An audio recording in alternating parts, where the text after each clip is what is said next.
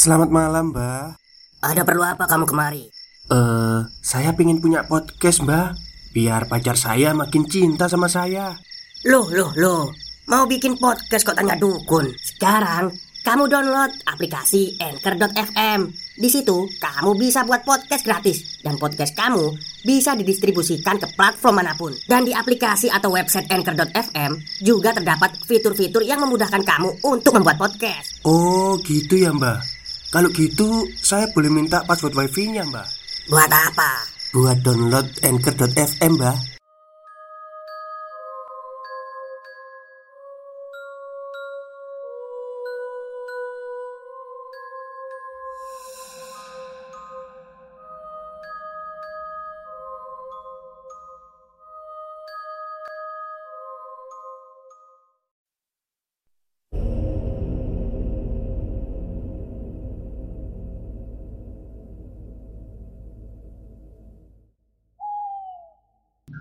Assalamualaikum warahmatullahi wabarakatuh. Halo semuanya, jumpa lagi dengan saya Chow Sing Sing, kurator dari Podcast Horror Night Story.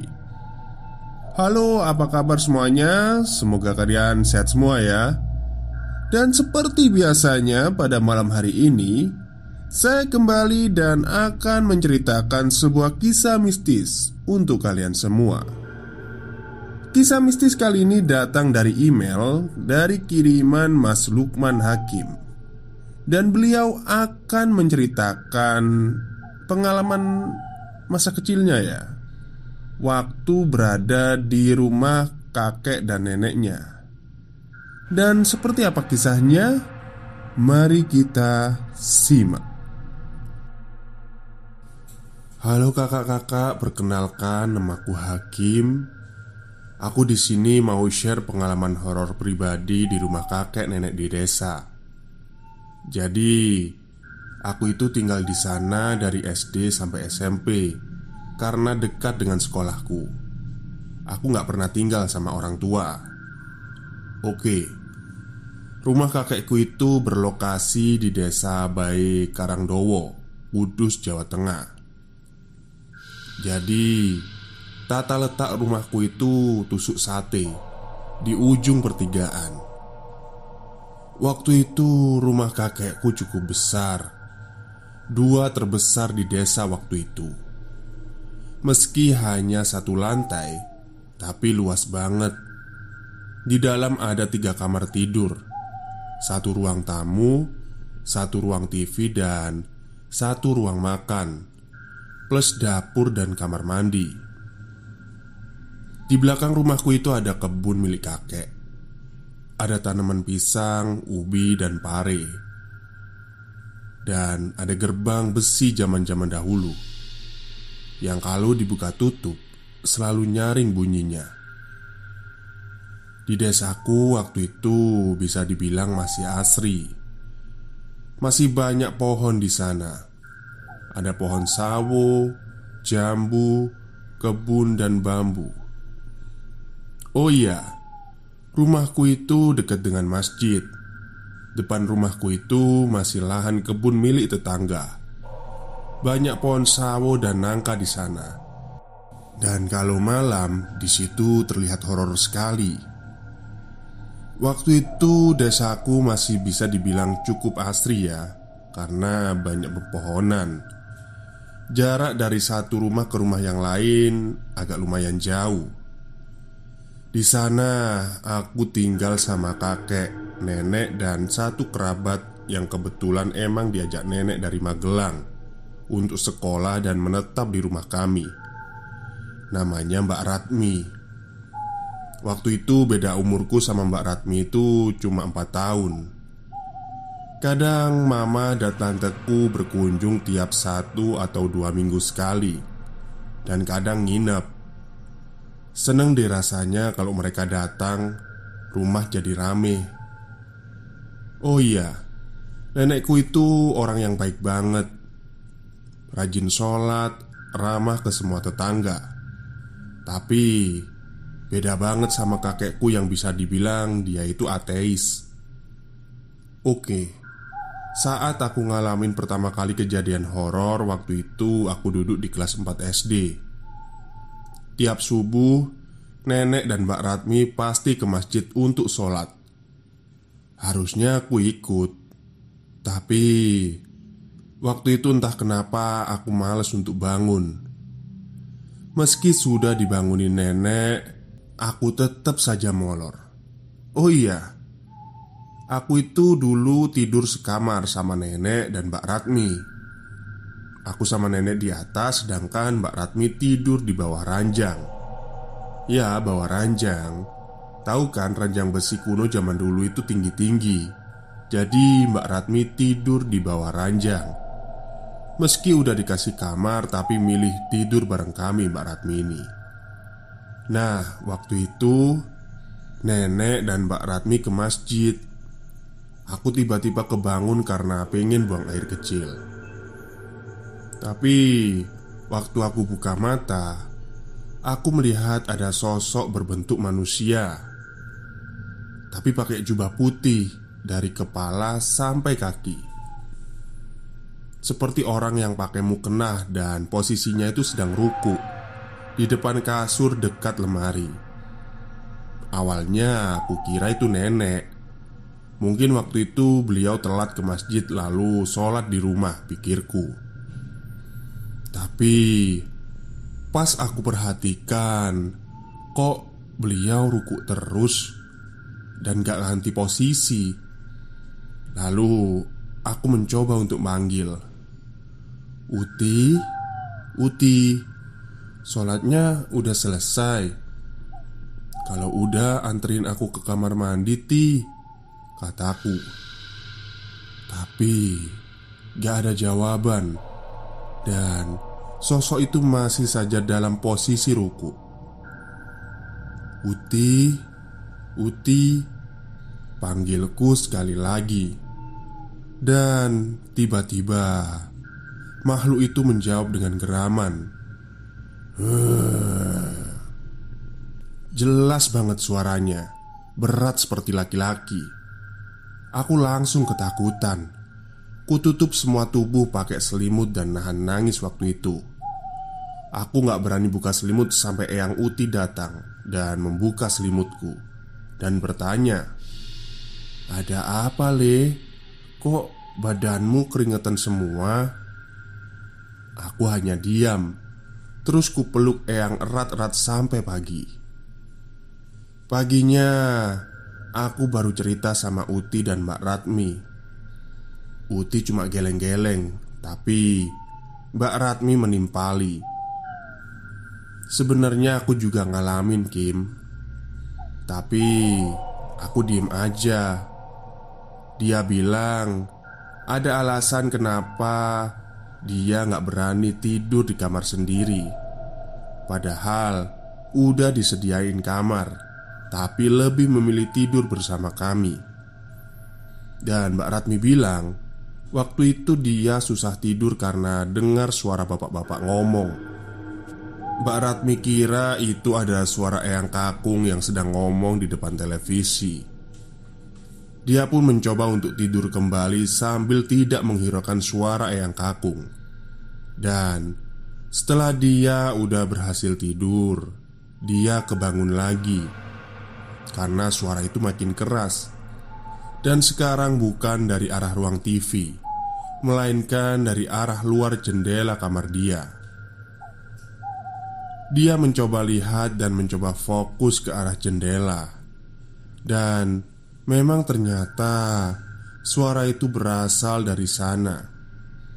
Dipikir kakek jam segini di luar bicara sama siapa.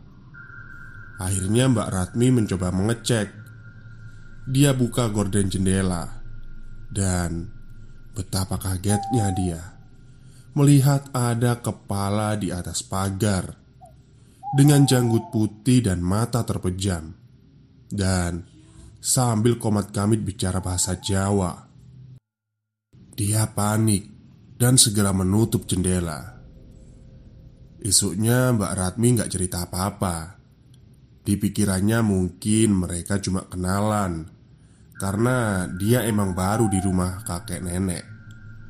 Jadi dia diem aja Sungkan kalau mau cerita sama kakek nenek. Tapi malam berikutnya Gangguannya muncul lagi. Sehabis bersih-bersih dia mulai untuk tidur. Tapi Baru beberapa jam dia tidur. Dia kebangun karena mendengar suara-suara musik gamelan Dia kira itu adalah kakek lagi lihat televisi. Karena di sini kakek itu emang suka bangun malam dan lihat TV sampai subuh, baru tidur lagi. Jadi Mbak Ratmini tidak menghiraukannya lagi. Tapi kok suaranya makin lama makin keras? Dia nggak bisa tidur. Dia pikir Kenapa nenek nggak marahin kakek ya Nyalain TV keras-keras banget malam-malam Mbak Ratmi mau negur tapi sungkan Ya akhirnya dia mencoba memaksakan dirinya untuk tidur sambil menutup telinganya pakai bantal. Tapi tetap saja suara gamelan itu terdengar keras sekali. Dia pun tidak tahan dan memberanikan diri untuk menegur kakek karena dia besok harus sekolah dan butuh tidur. Tapi baru saja dia mau beranjak Tiba-tiba Mbak Ratmi melihat sesosok pria memakai topeng hitam Dengan warna mata merah Serta berkumis berhidung panjang. Sosok itu sedang menari-nari mengikuti alunan musik gamelan. Mbak Ratmi kaku melihatnya. Dia hanya bisa diam sambil menangis Dan kemudian Tidak lama sosok itu hilang. Lalu Mbak Ratmi lari ke kamar Eyang Uti dan aku. Dia langsung berdiri di seberang kasur Membangunkan aku dan Eyang Uti. Sambil menangis dia mohon untuk diperbolehkan tidur dengan kami. Dan Eyang Uti mengizinkan. Lalu Gangguan ke Mbak Ratmi juga tak kunjung selesai. Waktu Mbak Ratmi sudah pindah ke kamar kami dia tetap aja nggak bisa tidur. Perasaan dia cemas. Cuma dia sudah tidak terlalu takut karena sekarang dia sekamar bertiga dengan kami. Ketika matanya menyusuri seisi kamar Entah kenapa pandangannya berhenti di jendela yang mengarah ke kebun belakang rumah Dia perhatikan terus. Tiba-tiba Ada sepasang mata besar Sebesar piring katanya Berwarna kuning mengintip dari jendela. Mata itu melihat ke arah Mbak Ratmi. Mbak Ratmi hanya diam. Dia memejamkan mata dan sampai akhirnya tertidur. Setelah mendengar cerita itu Aku tertegun Eyang Uti hanya bisa diam sambil pikirannya menerawang Lalu kejadian kedua aku alami saat aku sendirian di rumah. Waktu itu sekitar pukul jam setengah delapan malam. Kakek sedang pergi keluar entah ke mana. Sedangkan Mbak Ratmi dan Eyang Uti sedang pergi menghadiri acara pengajian. Jadi aku sendirian di kamar Menghibur diri menonton film kartun kesukaanku di ruang TV Sampai Aku mendengar ada suara. Tak, tak, tak. Dari kamar mandi. Aku mencoba tidak menghiraukannya karena baru fokus sama TV Ditambah Ada sedikit rasa takut waktu itu. Tapi Suara itu tetap saja terdengar Tidak berhenti Suaranya seperti seseorang sedang memainkan gayung dan dipukul-pukul ke dinding. Aku yang ketakutan waktu itu merasa ada yang aneh. Aku bahkan berpikiran untuk lari keluar rumah, tapi di luar gelap. Jadi ya aku beranikan diri untuk tinggal. Dan karena aku penasaran, aku mencoba mengecek. Aku jalan pelan-pelan ke kamar mandi Aku hidupkan semua lampu di rumah untuk menambah nyali. Sampai di dapur, suara itu tiba-tiba berhenti. Ada sedikit rasa lega waktu itu, tapi aku masih penasaran. Kulihat aja sekalian. Aku tetap berjalan menuju kamar mandi. Sebelum aku mau masuk ke pintu, Suara itu terdengar lagi Tak, tak, tak Aku pun masuk Dan ketika aku membuka pintu dan masuk ke dalam Betapa kagetnya aku Aku melihat ada sosok kecil berbulu Berambut jagung dan berwajah seperti kakek tua Stop, stop. Kita break sebentar. Jadi gimana? Kalian pengen punya podcast seperti saya? Jangan pakai dukun, pakai anchor, download sekarang juga, gratis.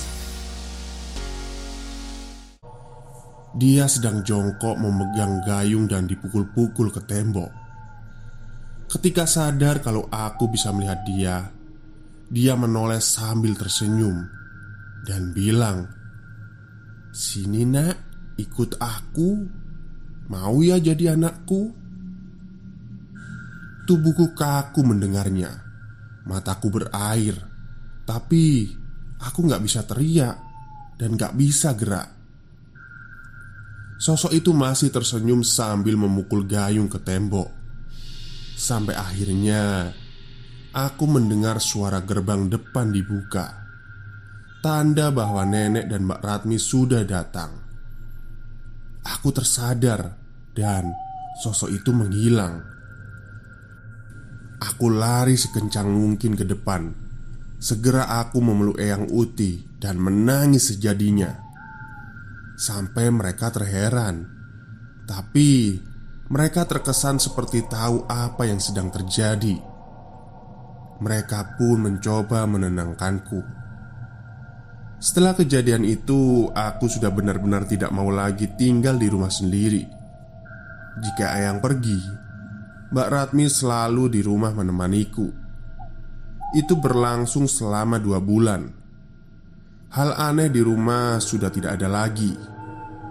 Tapi tiba-tiba di suatu malam, waktu itu aku sedang melihat televisi dengan nenek. Malam itu pukul 9 malam seingatku. Mbak Ratmi dan kakek sudah tertidur. Tiba-tiba, dari luar ada suara mengetuk pintu. Aku dan Unti sontak kaget. Siapa yang bertamu malam-malam? Aku dan Uti waktu itu belum berpikir ada yang janggal. Aku pun mengecek keluar bersama Uti. Aku hidupkan lampu dan kemudian kubuka pintu depan. Terlihat jelas ada sosok nenek bungku. Awalnya aku ragu dan takut, tapi kupikir ada Uti di belakangku. Ternyata itu adalah Mbah Ja. Mbah Ja itu adalah tukang pijit atau seorang tukang pijit langganan di penduduk desaku. Umurnya sekitar 70 tahunan Dan wanita itu sering disuruh datang ke rumah penduduk untuk menikmati jasanya Di rumah dia hidup sendirian Tapi di sebelah rumahnya itu ada rumah anak dan cucunya Kemudian dia tersenyum sambil menyapaku Nang Iya mbah Ada apa kok malam-malam ke sini? Tanyaku Nang, rumahku di mana ya? Aku langsung dek, seketika takut. Tapi Eyang Uti akhirnya datang. Dia ikut tanya, "Ada apa, Mbah? Tersesat?" Kata Eyangku. "Enggak. Ini saya lupa rumah saya di mana," katanya. "Ya udah, mari saya antar pulang." Kata Uti sambil menggandengku Ketika berjalan ke gerbang, aku kaget. Ternyata gerbang depan masih tergembok rapat. Pikirku, gimana Mbah Ja bisa masuk? Ti, Uti, kataku liri. Tapi Eyang Uti mengeratkan genggamanku, seperti memberi isyarat untuk menyuruhku diam. Aku bisa merasakannya jika beliau juga sedang menahan takut. Bahuti kemudian membuka gerbang. "Mari, Mbah." Keadaan luar waktu itu gelap. Hanya beberapa rumah saja yang menyalakan lampu teras. Dari rumah kita yang berjalan ke kiri menuju rumah Simba. Di perjalanan, mereka ngobrol sesuatu yang bahasanya tidak begitu aku mengerti. Setelah berjalan tiga menit, kami menemui pertigaan lagi. Di depan pertigaan ada lahan bambu dan dua pohon asem. Kita belok sedikit ke kiri, lalu Eyang Uti berhenti dan berkata, "Bah, saya antar sampai sini aja ya." Itu Mbah lurus aja. Ada rumah yang lampunya kuning, itu rumahnya Simbah. Bisa kan jalan sendiri? Kata eyangku Oh enggak Saya bisa bu Terima kasih banyak ya Keesokan paginya hari Minggu Aku diminta ikut dengan Eyang Uti belanja di warungnya Bu Sugi Satu-satunya warung yang menjual sayur mayur lengkap di desa kami dan biasa aku meminta untuk jajan juga di sana. Kebetulan warung Busugi itu dekat dengan rumah Baja. Jadi, setelah selesai belanja, aku dan Eyang Uti memutuskan untuk mampir ke rumah Baja untuk tanya perihal semalam. Mereka ngobrol, tapi hanya sedikit yang aku pahami karena mereka menggunakan bahasa kromo halus. Dari yang kupahami ya mereka bilang Baja Semalam itu kenapa? Tanya Eyang Uti Iya bu. Semalam itu saya dapat orderan pijit di rumahnya Pak Teguh. Setelah selesai Saya pulang. Ketika itu saya mencoba lewat rumahnya Pak Birin. Jalan pintas pikir saya. Tapi pas ngelewati depan pohon sawo di depan rumahnya Pak Birin Itu seperti ada suara laki-laki tertawa dari atas Saya cuma nyebut istighfar bu Tapi tiba-tiba dia melempari saya pakai kerikil-kerikil kecil Setelah itu pikiran saya blank, gelap Tapi waktu itu saya lihat cuma rumah ibu yang terlihat terang. Jadi ya, saya jalan lurus ke rumahnya ibu. Yang Uti hanya manggut-manggut mendengarnya. Dan kami pun pulang. Sorenya aku pergi untuk belajar ngaji di masjid dekat rumah. Belajar baca tulis Al-Quran dan biasanya selesai jam 5 Tapi karena ada ceramah dari bu guru ngaji kita selesai sampai maghrib Murid-murid pada sholat berjamaah dan kemudian setelah itu pulang Akhirnya kelas dibubarkan. Anak-anak semua pulang dan aku pun berjalan ke rumahku. Dari jauh Lampu teras rumahku mati. Tidak seperti biasanya pikirku. Aku hanya cuek dan berjalan pulang. Setelah sampai di depan gerbang Ternyata gerbangnya terkunci dari dalam. Kulihat dari kegelapan ada kakek yang sedang merokok di kursi teras. "Kung, Kakung, tolong buka gerbangnya, Kung. Hakim mau lewat." Tapi Kakung diam saja sambil terus merokok.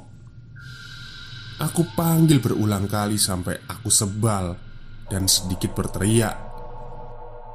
Tapi tiba-tiba Sosok yang menyerupai kakung itu menoleh ke arahku. Dan aku baru sadar kalau matanya merah menyala. Aku ketakutan. Kenapa semua ini gak ada habisnya pikirku? Lalu Eyang Uti datang dari dalam rumah Dan membuka pintu. Sosok itu pun menghilang. Kenapa nang? Kok teriak-teriak Terus kamu kenapa kok nangis lagi? Benar, aku menangis waktu itu. Mungkin itu dulu yang bisa saya ceritakan. Sebenarnya masih banyak gangguan kecil-kecil di rumah kakek, seperti suara tertawa dan suara berdehem. Ya, pokoknya banyak lah. Cuma kalau aku ceritain semua bakal panjang lebar nanti. BTW rumah kakek sekarang udah dijual. Dan sekarang rumah itu rata jadi pelataran masjid. Sekian cerita dari saya. Semoga cerita ini bisa sedikit menghibur. Hakim. Baik, terima kasih kepada Mas Lukman Hakim yang sudah mengirimkan kisah mistisnya di channel podcast Horror Next Story. Dan semoga para subscriber suka ya Oke, mungkin itu saja pada malam hari ini yang bisa saya sampaikan dan ceritakan. Semoga kalian semua terhibur. Selamat malam dan selamat beristirahat.